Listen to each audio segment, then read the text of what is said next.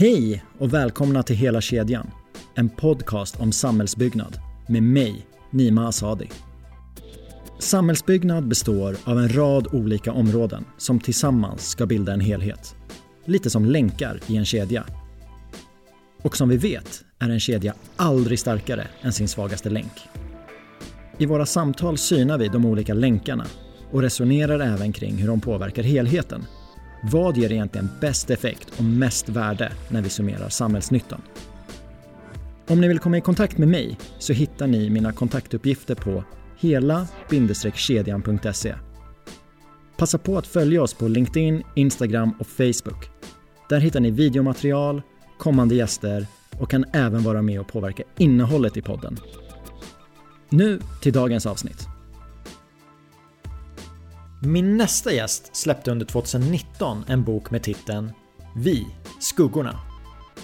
På baksidan av boken kan man läsa Svenskt arbetsliv har blivit ett paradis för kriminella som vill tvätta sina smutsiga pengar vita. Ett laglöst land där människor från fattiga delar av världen arbetar under slavliknande förhållanden. Människor sover i industriområden, ute i skogen och på byggen. Jag ville höra mer om nuläget, både i Sverige generellt men i synnerhet i den svenska byggbranschen. Jag ville även få höra varför det har blivit som det blivit. För min bild av Sverige är att det inte alltid har varit så här. Och självklart om hennes förslag på vad och hur vi ska göra för att återigen ta ansvar och föregå med gott exempel. Låt mig presentera Elinor Torp.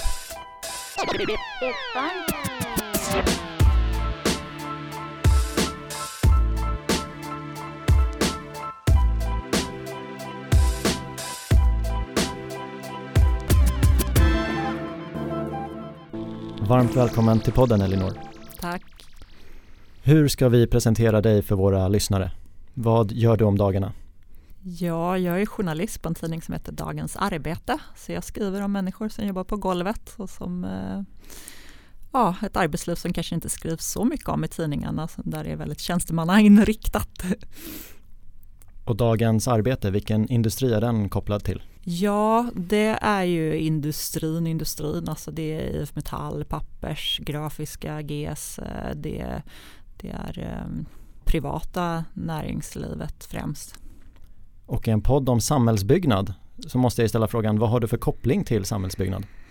Ja, jag har väl gått lite utanför mitt bevakningsområde här eh, för att jag har sett att arbetslivskriminalitet finns i alla branscher men det är liksom extra stort inom bygg och städ och transport. Så det var så jag hamnade i bygg där jag såg att där finns de stora pengarna.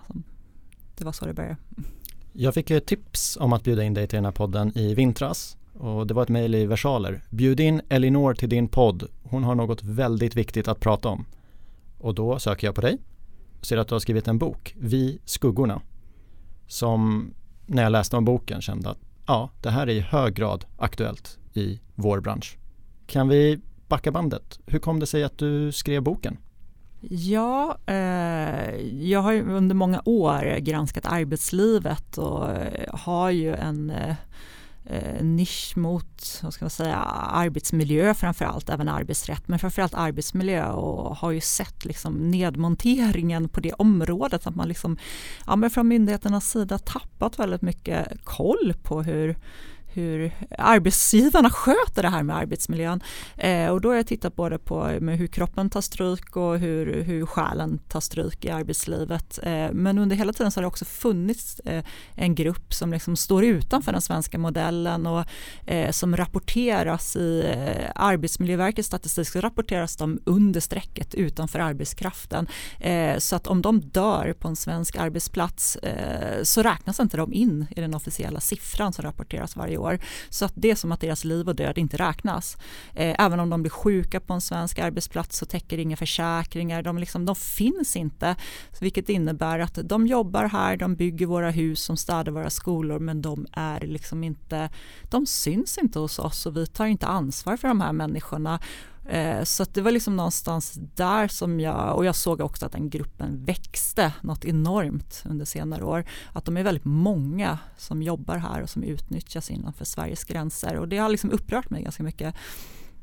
Och när var det i tiden? När fick du vetskap om det här stora skuggsamhället, om vi, om vi ska kalla det så? Nej, men jag har ju sett inom industrin att det har varit många gånger utländsk arbetskraft nere i kedjan, liksom, nere i entreprenörskedjan, att det är ofta där eh, det är människor som dör helt enkelt. Det är de som utför de mest riskfyllda jobben.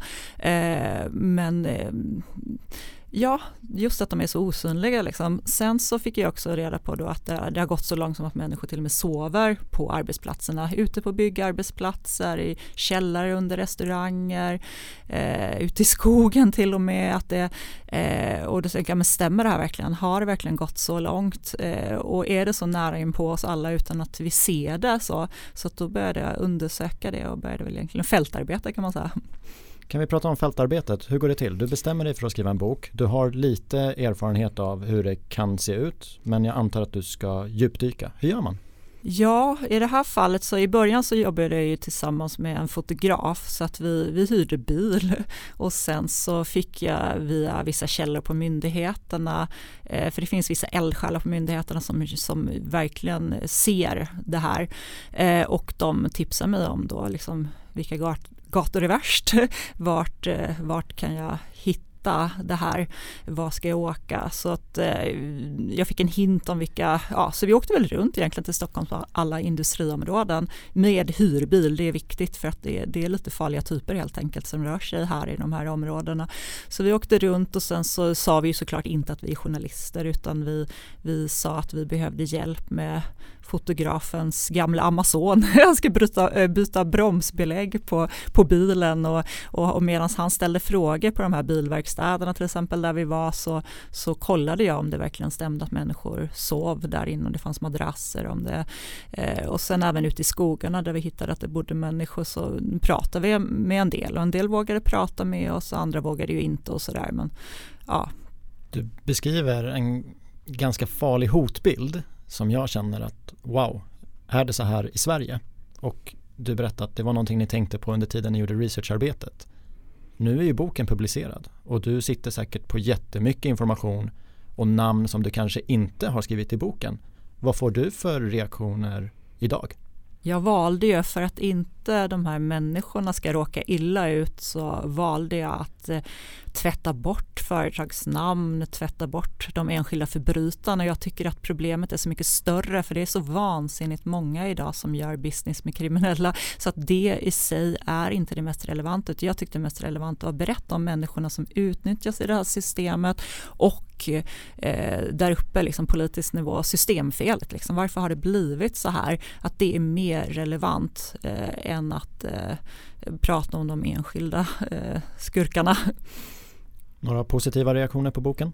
Ja, faktiskt. Det är jättemycket samtal och man vill. Eh, ja, jag är ute och föreläser jättemycket och politiker, jag vet flera ministrar som har läst boken. Den ska faktiskt delas ut för byggbranschen har någon seminarium med riksdagen nästa vecka och då ska, då har faktiskt, eh, jag tror det är två byggbolag som har köpt in boken och ska, ska, den ska ges mm, till alla 349 riksdagsledamöter då. Så att det, det känns som att det håller på att hända någonting. Industrin och byggbranschen, är det därifrån du har fått reaktioner eller finns det fler branscher? Ja, byggbranschen men också från myndighetshåll liksom, från, eh, har jag också fått och från politikerhåll faktiskt. Eh, ja, ministrar också faktiskt som jag har varit i kontakt med som har, ja, har sagt att det här och eh, nu också faktiskt innan har jag varit arbetsmarknadsminister arbetsmarknadsdepartementet men nu har även justitiedepartementet vaknat. Ja. Eh, så att, ja, och det är viktigt att, alla, att flera departement är med så att det inte liksom, ja, det måste finnas en politisk tydlighet i den här frågan. Och vi ska komma in på det. Jag tänker att vi börjar med boken och mm. därifrån kommer in på både historik men, mm. men också dina förslag på, på vägen framåt. Och när jag sökte på boken så hittade jag ett citat som jag tänker att jag läser upp och så tar mm. vi det därifrån. Elinor Torp har skrivit en bok om kriminalitet på svensk arbetsmarknad. Hon skriver om hur offentlig sektor köper tjänster direkt av kriminella och låter oss möta människorna som betalar priset för att den svenska modellen inte längre håller tätt. Den svenska modellen inte längre håller tätt. Vad menas med det? Ja, nej men alltså svenska modellen är ju fin och när den fungerar och det är att man överlåter till arbetsmarknadsparter att göra upp helt enkelt. Men tyvärr idag så är ju inte någon, ingen av de här människorna som jag har träffat är ju med i något fackförbund.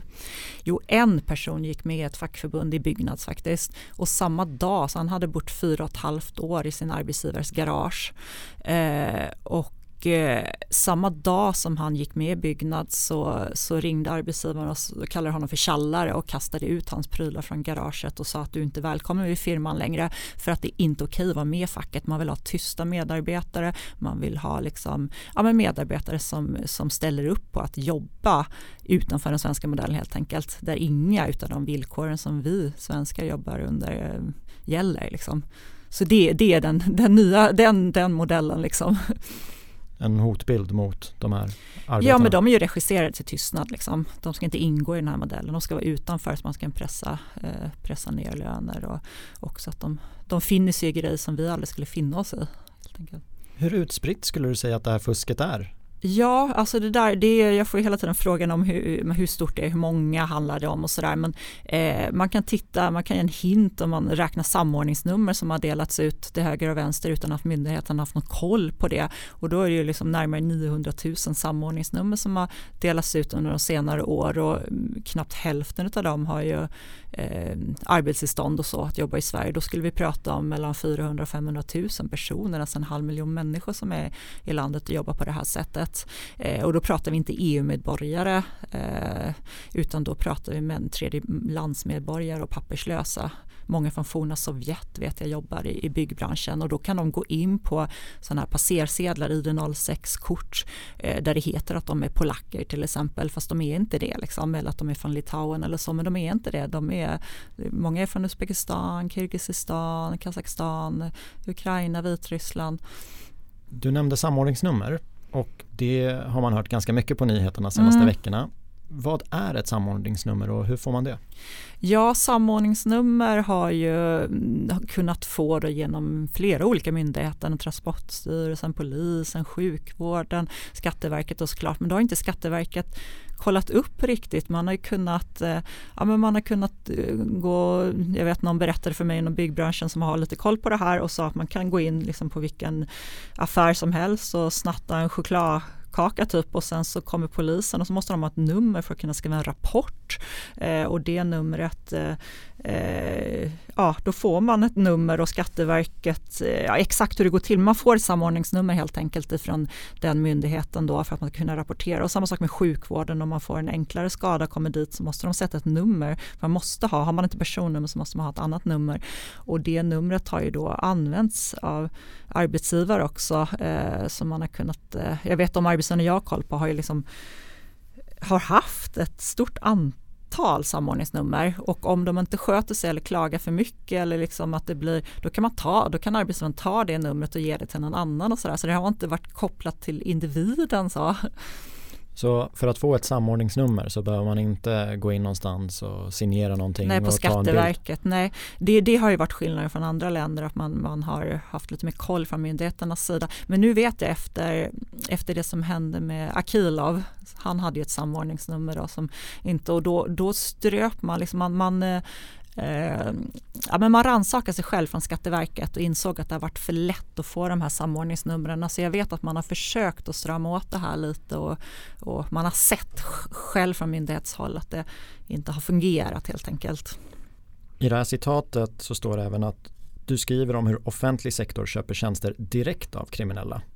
Ja, alltså jag har ju sett, och tittat på olika branscher. I bygg så ser det ofta ut så att eh, att man har liksom, ja men det är stat, kommuner, landsting i toppen och så har vi ett stort byggbolag, någon av de stora och så, så, så upphandlas, alltså det har ju upphandlats i flera led och då har man kedjor som eh, företag som sköter de olika bitarna ute på bygget men att det kanske är någon kedja ner ändå.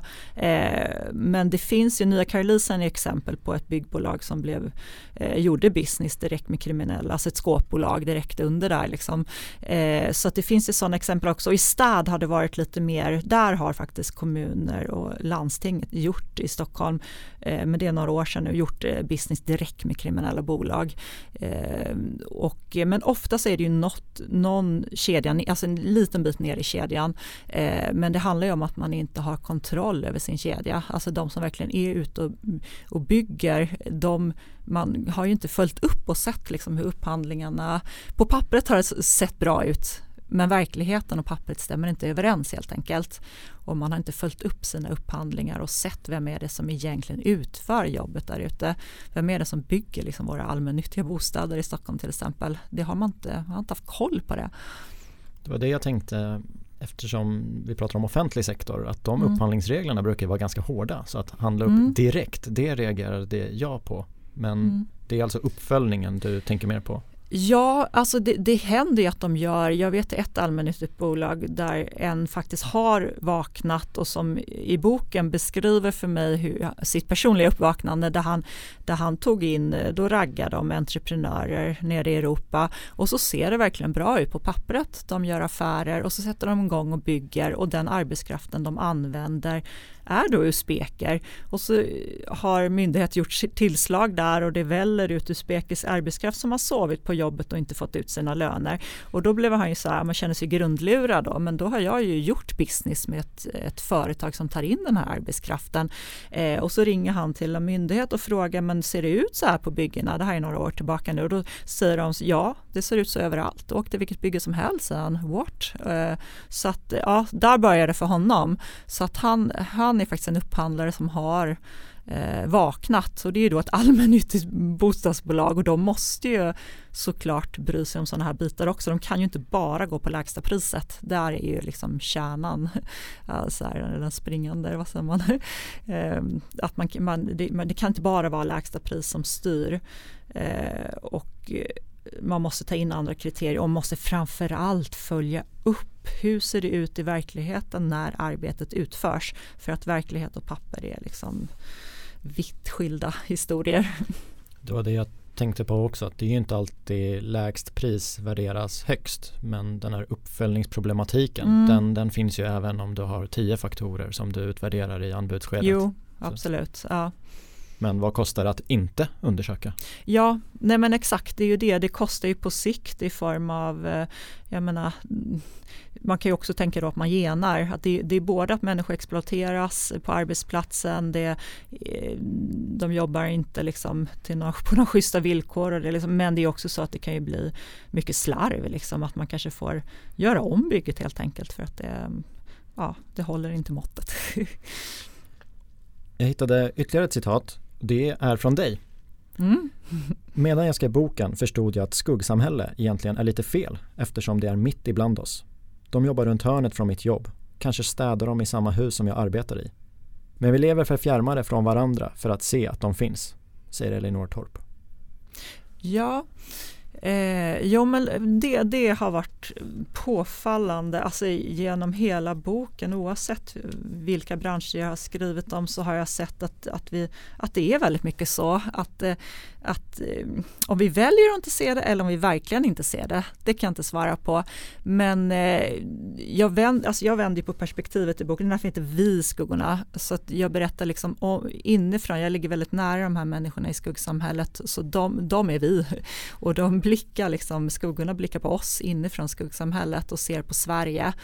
Eh, en av de här skuggorna då heter Aura och säger liksom så här, det står på baksidan av min bok, att det händer i mitt land, det vet jag, men ni är första, ni, ni är första världen, ni är ju exemplet för världen. Eh, att hon, hon trodde liksom inte att det, att det såg ut så här i Sverige. Eh, och eh, och hon, det hon beskriver, hon är ju då huvudperson i boken, det är ju liksom, det är en helt annan värld än vad än vad vi ser när vi går till jobbet på morgonen. Eh, samtidigt så är det ju då en restaurang som vi går och äter på. Hon också städar i våra hem och också städat på våra arbetsplatser och sådär. Så att hon, att hon kan leva i ett sånt helt annat Sverige som är så nära oss alla liksom, och att vi inte någon av oss ser det liksom, eller vill se det. För att i det korta loppet så tror jag att vi kanske också som konsumenter tjänar på det här. Eh, men i det långa loppet så är det förödande och det är förödande för de här människorna som behöver jobba på det här sättet. Eh, men absolut så, är det, så tycker jag det, jag tycker det är lite fel. Jag kommer fram till det i boken att det, känns, alltså det är lite fel att kalla det för skuggsamhälle egentligen. För att de är ju inte skuggor för det, de är så himla nära oss. Och just att de liksom, nu är det ju en, en byggboom, en enorm byggboom i Sverige där liksom man renoverar och bygger nya sko, skolor och förskolor överallt i hela landet. Man bygger nya bostäder, man bygger nya sjukhus, man river miljonprogrammet, sanerar, renoverar. Alltså, och överallt där så jobbar de här människorna så de kan ju inte vara osynliga för oss. Det är omöjligt. För det var ju min nästa fråga om man tänker geografiskt. För jag förstår Stockholm att det byggs mycket, det rivs mycket, det händer mycket. Jag kan ju komma på mig själv ibland att jag tänker att ja, men det ser ju ut i hela Sverige som det gör i Stockholm. Fast så är det ju inte. Men om vi bara tar skuggorna och mm. den här problematiken Mm. Hur utspridd är den i landet? Jag har ju hittat över hela landet. Det är absolut inte bara, men det är större i, i storstadsregionerna, Stockholm, Göteborg, Malmö såklart eftersom det byggs enormt mycket där. Eh, men det här finns ju över hela landet. Mitt eh, huvudfall i boken eh, det utspelar sig upp i Arjeplog där jag hittar ett helt hus fullt med svartarbetare från världens alla hörn. Liksom. Så det finns verkligen över hela landet. Så. Men det här kanske är en fördom jag har. Men jag brukar tänka att det är lite lättare att vara osynlig i Stockholm mm. kontra en mindre stad. Ja. Så hur funkar det ute i landet? Är det inte mer uppenbart att i det här huset så mm. bor det massa som inte har papper eller att det finns en misstanke i alla fall. Mm. Jo men jag kan ju tycka det och jag ställer ju såklart frågan till kommunalrådet där uppe som, som svarar med, jag frågar henne, går du och äter där själv? Och då säger hon så, nej men, ja jag äter hellre gröt på kontoret men visst jag går dit för det finns inte några andra restauranger men hon vet mycket väl att det finns svartarbetare på den här restaurangen. Alltså det har varit allmänt känt och än idag trots att det blev ett rättsligt fall av det här där man, så, så, så är det liksom ja, det är fortsatt svartarbetare på den här restaurangen. Så det, då är det ju frågan liksom, eh, välj att blunda? Ja, det tänkte jag. För nästa citat är Myndigheterna har ingen koll på arbetslivskriminella. Och eh, man kanske ska skilja på kriminella och offer. Mm. Men om jag vet att det kanske finns några som är utsatta på den här adressen så borde jag tänka, mm, ja det finns en kriminell i andra änden. Mm. Och just den här personen som du beskrev, det kändes som att hon ändå kunde misstänka att allt inte stod rätt till. Mm. Myndigheterna har ingen koll på arbetslivskriminella. Vad menar du med det citatet? Nej, jag menar att det har, alltså att man har tappat kontrollen över arbetslivet. Det har skett en nedmontering av kontroller av arbetsgivare, vilket har gjort att eh, arbetsgivare som inte är seriösa och som är rent kriminella har faktiskt gömt sig i svenskt arbetsliv och tvättat pengar här. Man måste ju ha pengarna vita. Liksom. Vad gör man det? Jo, men det gör man det i arbetslivet för man har märkt att man kommer undan med det helt enkelt. Och det är faktiskt så att det har skett uppluckringar eh, i svensk politik som gjort att man har valt Sverige i lite högre utsträckning. Och att vi har, nej men vi har verkligen tappat greppet. Däremot så har vi jagat enskilda individer liksom och har koll på liksom enskilda människor i samhället idag. Men just arbetsgivarna har man, man liksom velat lätta lite för mycket eh, på arbetsgivarna. Eh, och det, det, det har det är ett skäl till varför det, till, ja, man vill inte besvära dem, man utgår från att alla är seriösa och de som är seriösa, jag har ju med en arbetsgivare i min bok också, en kille som är råseriös, han verkligen vill göra rätt för sig, men han blir ju utkonkurrerad direkt och skuldsatt. Han har inte en chans mot de här kriminella och det är flera i min bok som beskriver att man, man, det går inte att konkurrera med kriminella, så det här är liksom, det här är farligt för samhällsekonomin också. Låt oss backa bandet för du nämnde politiska beslut. Kan du gå igenom vilka beslut är det som har gjort att vi är där vi är idag? Ja, jag har ju listat en mängd beslut här eh, som har gjort det. Jag ser ju att det någonstans började kring 2007 eh, då den regeringen som tillträdde då eh, valde att att eh, ja, lägga ner en hel myndighet, eh, Arbetslivsinstitutet. Och där fanns all forskning, all expertis om vad som, vad som gjorde att människor blev sjuka i arbetslivet helt enkelt. Hela den myndigheten lades ner. Samtidigt så eh, mer eller mindre halverades Arbetsmiljöverket och framförallt inspektionsverksamheten där blev lidande. Man gjorde, slutade göra så oanmälda besök hos arbetsgivarna. Eh, det blev också samtidigt lättare att eh, få F-skattesedel. Det var en politiker som sa att man skulle födas med en F-skattesedel. Det var extremt lätt att bilda bolag. Man slopade revisionsplikten för mindre aktiebolag. Eh, och sen så kom ju den här liksom, där de, eh, Moderaterna då gick ihop med Miljöpartiet och införde de här uppluckringarna i arbetskraftsinvandringen. Och det finns ju något fint i det. Vi behöver arbetskraftsinvandring i Sverige men den totala upp öppenheten ihop med att vi då har liksom monterat ner kontrollen av arbetsgivaren kan bli väldigt förödande och det har gjort att kriminella krafter har letat sig hit. Men du som har gjort research, 2007 så tar man det här beslutet att lägga ner en, en myndighet. Protesterna, för jag antar att det var en del protester. Bara, nej men vi kan inte genomföra det här. Var det några som mm. beskrev den här bilden vi har idag? Eller man la ner den myndigheten på tio dagar. Det var en av de första besluten som fattades. Det var ingen som hann protestera mot det. Ja. Mm. Så kan det också vara. Ja. Nej, och sen har det varit det här då att det varit så lätt att få samordningsnummer som har öppnat upp för ett omfattande fusk. Eh, och sen då när sossarna och Miljöpartiet kom till makten så satte ju den här byggboomen igång. Liksom. Eh, och det var kanske också lite oreflekterat och jag vet att den före detta arbetsmarknadsministern Ylva Johansson säger till mig i boken, vi har varit så sjukt jävla naiva, säger hon som sosse, liksom att det, det ja, det det har blivit liksom, ja men arbets, att hand, ja men även så handel med arbetstillstånd, ja, det skriver jag om att det har blivit en sån lönsam affär för människosmugglare för att de har, det har liksom varit så extremt liten risk att åka dit. Vi har haft liksom en lagstiftning tidigare om människohandel och det har liksom inte, eh, ingen har kunnat leva upp till den bevisningen som krävs. Man aldrig kunnat liksom, men nu, nu finns det något som heter människoexploatering och då ska det vara lite lättare att leda i bevis att man, att man exploateras innanför Sveriges gränser liksom, eh, på arbetsplats. Så det finns ett, en sån dom nu där faktiskt en arbetsgivare åkt fast. Men då bygger det på att de här ska våga vittna de här människorna och det vågar ju nästan ingen. Annars blir det inget case om ingen vågar vittna. Ja, precis, vad får man för det? Man, man kanske får lämna landet som resultat av det. Ja men exakt och sen är det ju de här mellanhänderna, alltså de kriminella typerna här, det är, inga, det är inga trevliga typer helt enkelt och de är såklart rädda. Eh, så ja, det men det finns ju en del som, ja, vi borde backa bandet och se att det, att det, att det är eh, eh Ja, och det görs ju lite nu ska jag säga också. Bara senaste veckan nu så har det ju kommit, eh, partierna har ju gått samman nu faktiskt och, och eh, har ju sett att de måste de har sett hur stort det här fusket är och uttalat det. Så det har varit väldigt mycket på agendan nu senaste veckan. Men de här politiska besluten då? Om jag mm. uppfattar dig rätt så är det från 2007 och framåt. Det är ju inte så lång tid. Nej. I närtid har mm. vi öppnat upp för det här. Ja, det är det. Sen har det ju absolut i byggbranschen har det väl alltid funnits fusk så men inte i den omfattningen som det är nu och inte de stora pengarna liksom. Så att det är ju det. Men sen så ska jag också säga att parallellt med det här så har det ju också varit så att tar man ett stort byggbolag som Skanska, Peab, ja men whatever, alla stora byggbolag, de hade ju förr i tiden sin egen personal.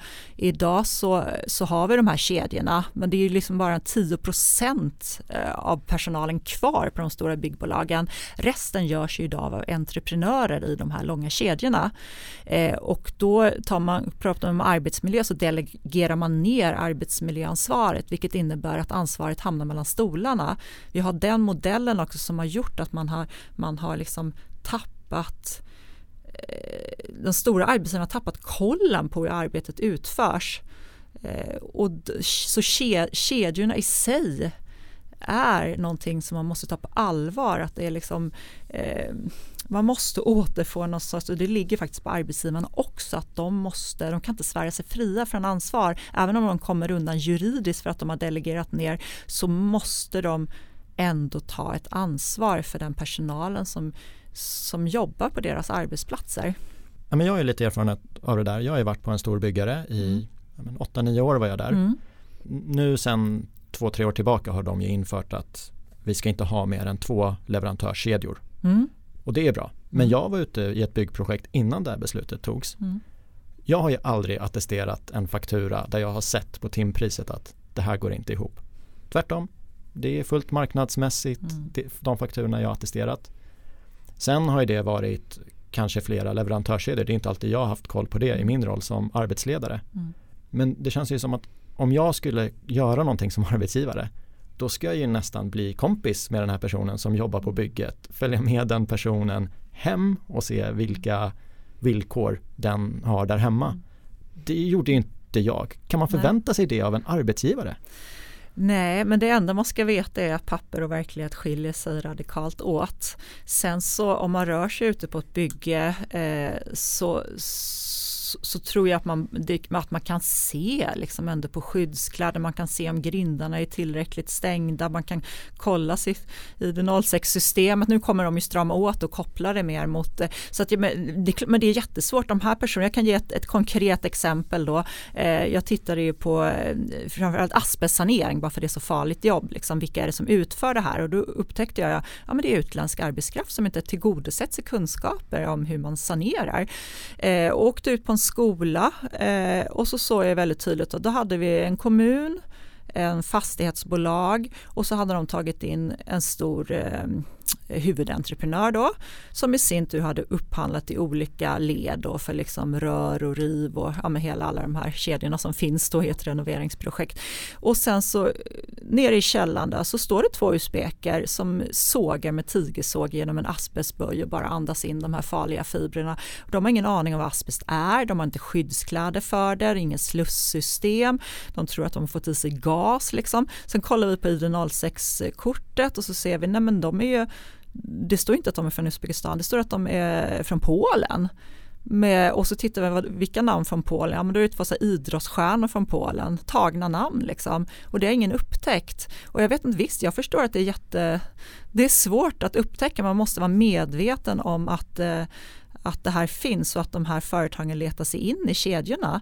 Eh, att det finns pengar. Och det, det behöver inte vara så pengamässigt så det kanske inte är pengar, man kan inte se det på beloppet utan det här är ju pengar som försvinner. Och det tycker jag är det allra viktigaste att det är de stora upphandlarna som måste vakna. För det är så enormt många skattemiljarder som bara försvinner ner i fickorna på de här kriminella typerna. Så någonstans tar ju pengarna vägen. Så därför så kanske det inte alla gånger är beloppet som är beviset för att det är fusk. Utan, men däremot vad tar pengarna vägen? Och det, det är inte lätt att kolla. Det här allmännyttiga bolag som jag pratade om förut, de har infört kontroller.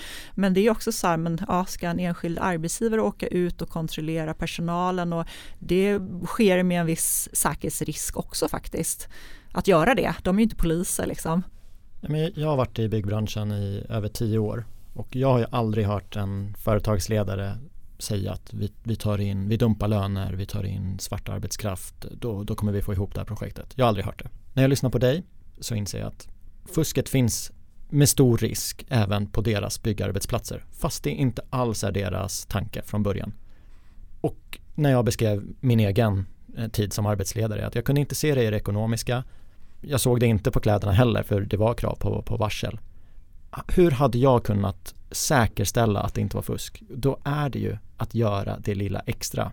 Mm. Att prata med personen Mm. och där kanske jag får fel svar. Mm. Då är det ju att åka hem till Mm. personen.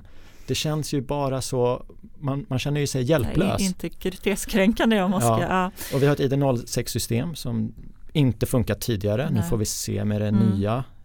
Jag kan ju känna, man vill ju vara med och göra den här branschen till en, Mm. till en riktigt grym bransch där alla har en bra arbetsmiljö, schyssta villkor och har kul.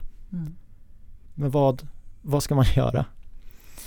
Och som enskild, ja, nej men alltså jag tänker ju att uppe i toppen, så alltså byggbranschen har ju börjat småvakna nu ändå. Jag tror att det är väldigt viktigt att högst upp, för det är de som sätter ramarna och förutsättningarna för att göra ett bra jobb. Men sen är det det där att man, ja men återigen, jag tjatar om det, att, man, att inse att eh, papper och verklighet skiljer sig åt och att då ja, men ha förgreningar ut. Att man, ja, men just det där att vi jobbar väldigt fjärmade från varandra, att vi liksom inte eh, kanske ens har föreställningsförmågan att tänka att de här människorna faktiskt inte får ut de pengarna som de har blivit lovade och att de lever på det sättet som jag kommer fram till att många lever. Att, att, liksom, ja, att samhället idag är väldigt segregerat på det sättet att vi umgås med vårt eget klientel, man ska säga.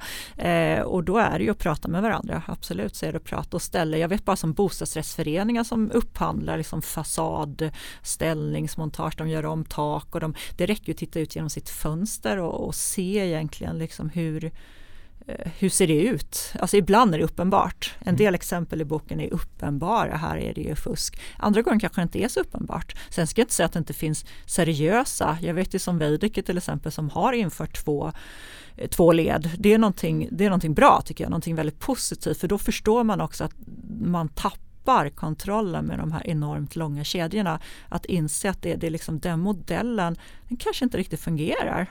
Man kanske måste backa bandet och liksom utvärdera den modell vi har haft nu de senaste ja, hur många åren är det? Jag vet inte, 20 åren. Ja. Nej, men det uppenbara håller jag med dig om. Det, det tror jag att vi båda har sett mm. och reagerat på. Men jag är ju rädd för det här osynliga eller mm. skuggorna. Mm. För det borde vara den allra största delen som jo. vi inte ser. Det finns en opinion också. Det är ju många på sociala medier som kan gå hårt åt. Bland annat Johan Lindholm, fackförbundsordförande mm. på Byggnads. Det var ett kinesiskt bolag som vann eh, tre arbetstunnlar i Nacka. Mm. Då går han ut och säger att de dumpar löner och det är hårt. Det mm. kanske är hans bild. Mm. Jag frågade ju hon som är affärsområdesansvarig för det här kinesiska bolaget. Har Johan hört av sig till er? Mm. Nej, det har han inte.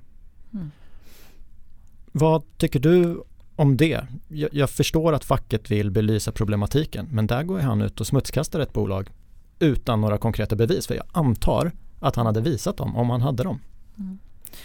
Ja, det har jag faktiskt ingen aning om eh, just det specifika fallet. Men jag kan ju också säga så att facket har inte heller koll på det här. De har inte haft eh, larmat och så för att de i och med att de inte har medlemmar heller så kan inte de komma ut och, och se hur det verkligen fungerar. Så därför har ju eh, och facket kan ju också leva ganska fjärmade från den här verkligheten. Så att ehm, det är absolut inte bara arbetsgivaren som inte ser det här utan men varför han agerar som han gjorde i det här fallet har faktiskt ingen det var inte bara han ska säga, det var, det var flera branschföreträdare men ingen hade hört av sig till det här mm. bolaget. Men de måste ju ha fått någon information eller någon kunskap om någonting då men de har inte presenterat den Eller så förlorade de upphandlingen och tänkte att hur kommer det sig att ett bolag kan mm. bygga billigare än oss? Ja, ja sen är det ju också så här att um, det är ju svårt om man, att säga nej i en upphandling till några som har ett, eh, ett lägre anbud. Det är också svårt för då måste ju upphandlaren bevisa att det är ett skurkföretag och hur bevisar man det? Det är liksom eh,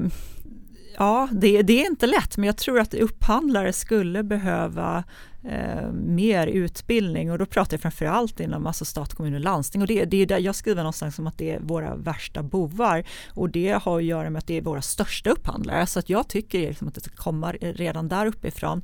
Sen tycker jag då att de stora byggbolagen ska rannsaka sig själva och titta om modellen så som den ser ut idag fungerar, om det finns eh, ja, när man ifrågasätta en del och gå ut i den så kallade verkligheten och se hur arbeten utförs. Det är liksom det man kan göra. Men eh, ja, jag vet inte. Myndigheterna har inte full koll. Arbetsgivarna har inte full koll. Fackförbunden har inte full koll. Då vill jag ju skicka ett eh, budskap till våra politiker. Mm. Och jag har dig i studion. Vad mm. ska politikerna göra så att vi får ett slut på det här? Ja, alltså tydligheten måste komma direkt uppifrån. Eh, om vi jämför, jag har varit i Norge en hel del och kollat hur modellen och där har de ju sedan länge A-krimcenter. Alltså där sitter myndigheterna tillsammans och jobbar mot arbetslivskriminaliteten. Det finns på åtta ställen i landet. Eh, jag, när jag åkte till Oslo så höll jag på att handla som gästarbetare där. Eh, för det, ja, man, det är luckor, man får en nummerlapp och sen så sitter myndigheterna i varsin lucka vecka så här och så får man sina papper underskrivna och allting och så kan man börja jobba dagen efter i stort sett. Men då har man också, då har staten koll, någon slags koll åtminstone. Eh, och där har man också sedan länge hade de, en statsminister som gick, och, gick ut och sa att det här är viktigt, vi har en social dumpning i det här landet, vi har arbetslivskriminalitet, det begreppet användes från en statsminister och sa ni myndigheter ska jobba med det här. För det är ett problem för ja, samhällsekonomiskt men också för de här enskilda individerna som utnyttjar systemet. I Sverige så har ingen statsminister sagt det. Utan istället så har det varit så punktinsatser från departementet. Det är en liten satsning från arbetsmarknadsdepartementet att Arbetsmiljöverket, polisen, Skatteverket ska ut och eh, ja, Team Osund heter det, Osund konkurrens som ska ut och göra tillslag. Eh, de har fått lite resurser till det men de vågar inte, de går inte in på de stora byggarbetsplatserna där de vet att det är fusk för att det skulle ge för stora träffar. De har inte tid att handlägga helt enkelt ute på myndigheten, de har inte tillräckligt med resurser. Sen finns det en satsning mot organiserad brottslighet verklighet där de har kommit fram till nu att arbetslivet är en arena för kriminella. Så att eh, vi måste komma åt det här. Då har de fått sitt uppdrag från justitiedepartementet men departementen där uppe har inte snackat med varandra. Eh, så att det har inte funnits någon politisk tydlighet i Sverige och arbetsmarknadsministern sa till mig i höstas vi har inte använt begreppet arbetslivskriminalitet ens. Nu först eh, före jul här så började politikerna använda det begreppet så nu börjar det hända någonting och nu i veckan så är det faktiskt så att, eh, att partierna har gått samman och sett att alltså, det är för mycket fusk i byggbranschen. Det är för mycket pengar som försvinner bort och det här utnyttjandet av människor, det får inte fortsätta. Så nu äntligen så känns det som att ja, men politikerna har vaknat lite faktiskt. Ja, det känns ju som att det är väldigt mycket pengar som försvinner om man mm. tar det ekonomiska och de pengarna borde ju kunna finansiera att vi rustar upp myndigheterna och ja. inför kontroller. Ja men exakt de miljarder, det liksom, finns ju någon siffra lågt räknat för några år sedan tog man fram den, finns, lågt räknat så är det 66 miljarder som försvinner ner i fickorna på kriminella varje år och det är skattemiljarder, det är våra pengar och jag menar med tanke på den nedmontering som sker inom sjukvården och skolan så tänker man så här, fan de pengarna skulle kunna användas till någonting så mycket bättre. Men sticker Sverige ut? Är det lättare att tvätta pengar och fuska i Sverige jämfört med våra grannländer? Jag skulle säga att på senare år har det blivit det på grund av de här minskade kontrollerna av arbetsgivarna. Att det eh, faktiskt, eh, det finns ju över hela världen, hela västvärlden så kommer ju människor eh, som söker ett bättre liv, som vill kunna skicka hem pengar till sina familjer, som utnyttjas, liksom hamnar lite i gisslan i det här systemet. De får, det, är ofta, det blir inte som de har tänkt sig helt enkelt, utan och de lockas hit. Inte sällan så är det mellanhänder som säljer arbetstillstånd och som lockar hit dem då. Eh, så att, i Sverige har man då sett att ja, men det har varit lite enklare. Det har varit, man har kommit undan med det. Och då är det väl klart, ja, men det, det är ju smarta typer liksom, som ligger steget före myndigheten hela tiden. Så att, ja, jag förstår dem, att de söker sig hit. Ja, men så de kriminella gynnas av att regelverken har blivit... De har eh, gynnats av det medan seriösa arbetsgivare har förlorat på det. Men det måste ju vara fler som gynnas av det här, annars hade vi inte infört beslutet. Vad är fördelarna med att vi la ner en myndighet och förenklade reglerna? Ja, vi kanske kan bygga och renovera lite snabbare om vi inte har jobbiga myndigheter som är och kontrollerar oss. Jag menar, kommer Arbetsmiljöverket ut och sätter stopp för ett bygge, det är inte så populärt. Nej, moralen, mm. den är också viktig. Mm. Det har varit ett väldigt intressant och viktigt samtal för mig och jag tackar dig som kom hit och, och pratade om det här. Vad står på din agenda nu? Hur tar du det här arbetet vidare? Ja, det finns ju många, många spår att följa här eh, och jag har ju svårt att släppa det även om jag är positiv till att politikerna och eh, ja, ministrarna högst upp nu äntligen tar det här på allvar och börjar prata om begreppet arbetslivskriminalitet och hur det slår mot. Så, så är jag liksom så här, jag, jag vill gå vidare men det är också, jag vet inte vilket spår jag ska följa men eh, det jag, det jag gör närmast nu i alla fall, det är att jag har fått enormt mycket förfrågningar om att ut och prata. Så jag är runt över hela landet faktiskt och pratar om boken och, och eh, det är som någon slags väckelserörelse nästan det och människor blir, eh, är enormt engagerade och vill ta liksom sitt eget ansvar på något sätt. För att eh, stat, kommun och landsting är de värsta bovarna just för att de är de största upphandlarna. De måste verkligen tänka till, men även vi enskilda konsumenter tänker jag att vi måste också tänka på hur hur, ja, men hur vi konsumerar, vart vi, vad kostar det att göra sina naglar, byta däcken på bilen, liksom att vi tittar ut genom fönstren på din bostadsrättsförening. Alltså, någonstans så, så, så den här konsumentmakten också tycker jag är viktig. Eh, men eh, jag kommer nog gå vidare också och titta lite på ja, men byggfusksbiten faktiskt också. Vad det får för konsekvenser i form av eh, eh vad det kostar, vad ska man säga, i det långa loppet att ha det här systemet. I det korta loppet så verkar vi gynnas av det. I det långa loppet ekonomiskt, vad kostar det liksom? Det är superintressant. Och, ja. och de lyssnare som har tips till Elinor, de hittar ju dina kontaktuppgifter på Dagens Arbetes hemsida och mm. även på Hela Kedjans hemsida. Mm. Ja, jag tar tacksamt emot tips. Och du och jag får boka in en tid lite längre fram för det låter väldigt intressant det du ska hålla på med. Mm. Yes, tack så mycket. Tack för att du gästade podden Elinor. Tack.